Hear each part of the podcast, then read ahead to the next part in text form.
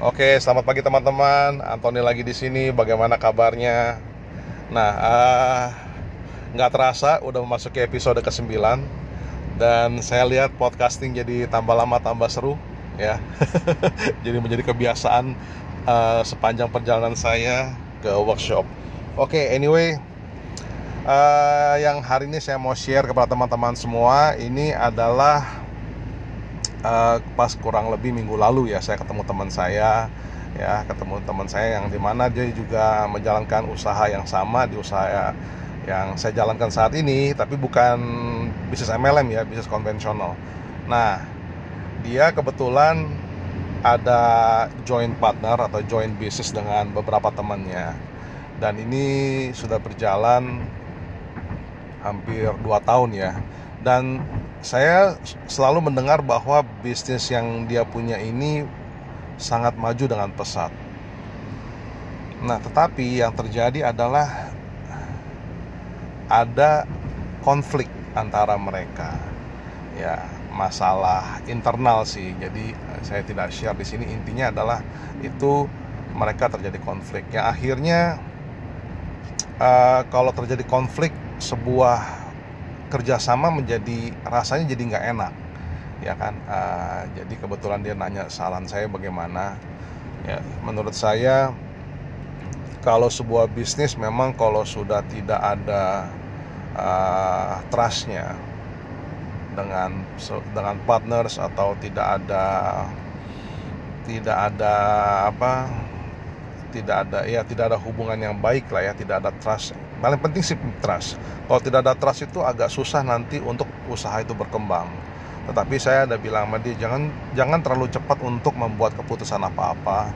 Coba dijalankan dulu saja. Karena kadang-kadang uh, konflik itu timbul karena emosi saat ya. Jadi mungkin juga jadi justru jangan uh, jangan kita membawa emosi ke dalam bisnis. Ya jadi saya selalu uh, anjurkan buat dia uh, give it time ya kasih waktu untuk sama-sama tenang dulu ya uh, pikirkan uh, apa pikirkan baiknya bagaimana perusahaan ini. Karena tentunya untuk usaha perusahaan untuk bisa berkembang itu mesti ada sinergi dari pemegang sahamnya jadi mesti saling saling trust saling saling bisa kerjasama Nah kalau itu tidak ada agak susah nanti berkembangnya tadi saya bilang juga.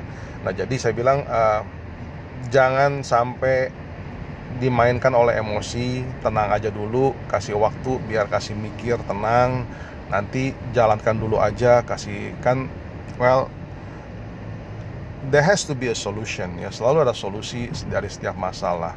Jadi buat saya saya cerita sama dia bahwa uh, pengalaman saya, saya pun juga sudah menjalankan bisnis beberapa kali yang uh, saya partner dengan orang dan memang kebetulan tidak pernah ada yang berjalan dengan lancar.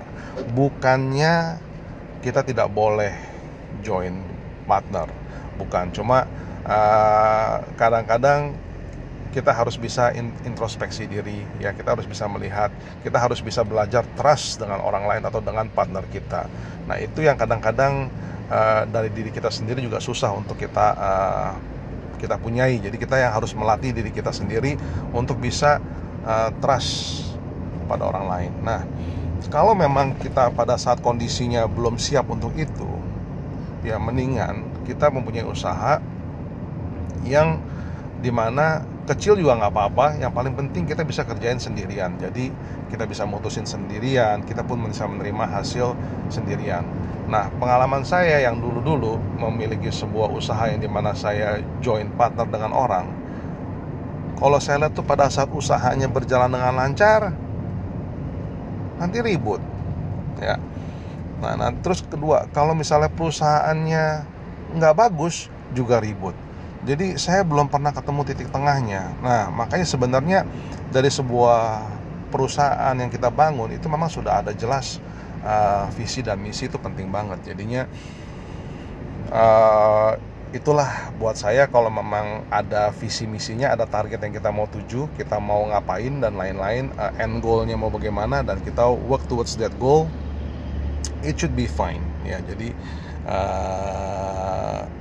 kalau misal teman-teman belum siap punya usaha dengan join dengan orang dengan partner dengan orang ya lakukanlah uh, bisnis itu sendirian. Ya nggak apa-apa dengan modal kecil pun juga nggak apa-apa.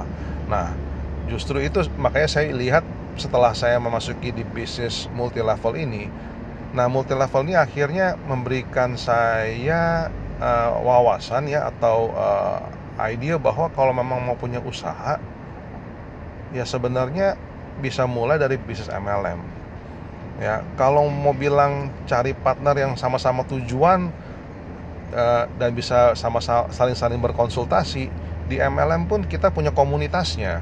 Kita punya komunitas yang di mana kita uh, working towards the same goal the same vision yang di mana akhirnya kita bisa saling berkonsultasi dan kita saling bisa bertukar pikiran.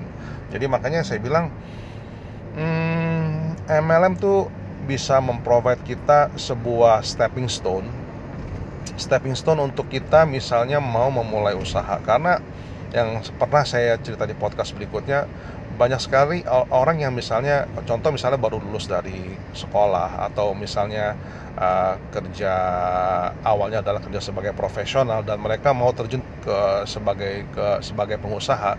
Nah, itu ada ada tahap-tahap yang mereka harus lalui. Nah, jadi MLM itu provide itu provide itu semua untuk kita yang mau memulai mau memulai menjadi seorang pengusaha. Jadi hmm, dari learning dari selling skill, leadership skill dan lain-lain. Jadi banyak sekali yang kita bisa dapatkan pada saat kalau kita memulai bisnis MLM. Jadi itu yang saya lihat kenapa uh, bisnis MLM tuh bagus juga untuk kita mulai. Dan juga kalau kita bicara soal tadi partner tadi pada saat kita mau membuat sebuah keputusan pasti kita diskusi dulu ya kan? Sama juga. Nah uh, hasilnya tapi dibagi-bagi ya kan? Dan kadang-kadang sebuah sebuah usaha yang kita bangun pada saat kita dapat profitnya belum tentu kita bisa nikmatin bersama-sama.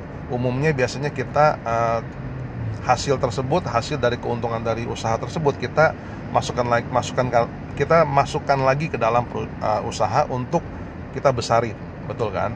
Nah, uh, kalau MLM, bisnis MLM itu lebih kebanyakan cash cash basis ya, di mana uh, untuk membangun sebuah empire atau membangun sebuah perusahaan MLM, katakanlah kita mau membangun sebuah bisnis MLM gitu ya, itu nggak perlu kita untuk menyuntik dana lagi.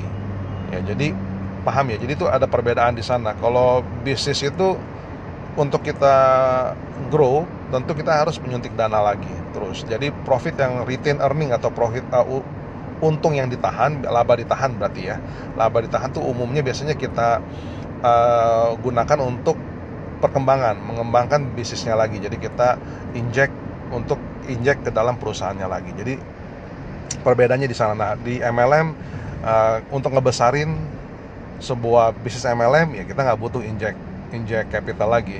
Kita cukup dengan tetap terus kebangun aja dengan recruiting ya uh, sama-sama juga sama-sama satu visi.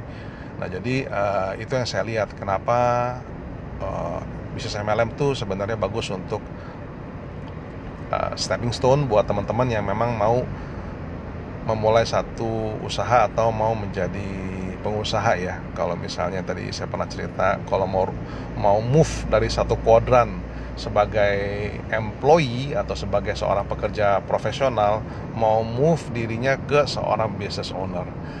Oke, kalau gitu sharing saya hari ini sekian dulu. Semoga ini bermanfaat. Terima kasih teman-teman. Uh, salam sejahtera dan sehat selalu. Get rich. Bye bye.